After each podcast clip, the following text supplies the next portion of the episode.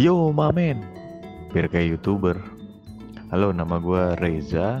Gue biasa dikenal sebagai orang yang sangat pendiam dan lo akan bisa lihat seberapa pendiamnya gue di podcast bareng Dimas. Oh iya, gue kenal Dimas tuh pertama kali tuh sebenarnya nggak kenal sih ya. Gue males juga kenalnya, nggak sengaja kenalan dan terpaksa kenalan tuh di salah satu perusahaan lah di bilangan Jakarta yang katanya megapolitan nyaris ultrapolitan dan gue itu sebenarnya senengnya tuh jalan-jalan gitu. Tapi tetap gue ini orangnya pendiam dan nggak banyak ngomong lah.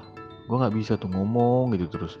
Ini semoga nanti Dimas yang banyak ngomong dan gue yang pendiam bisa menyegarkan podcast yang semoga bisa diterima di telinga telinga para kaula kaula ingsun.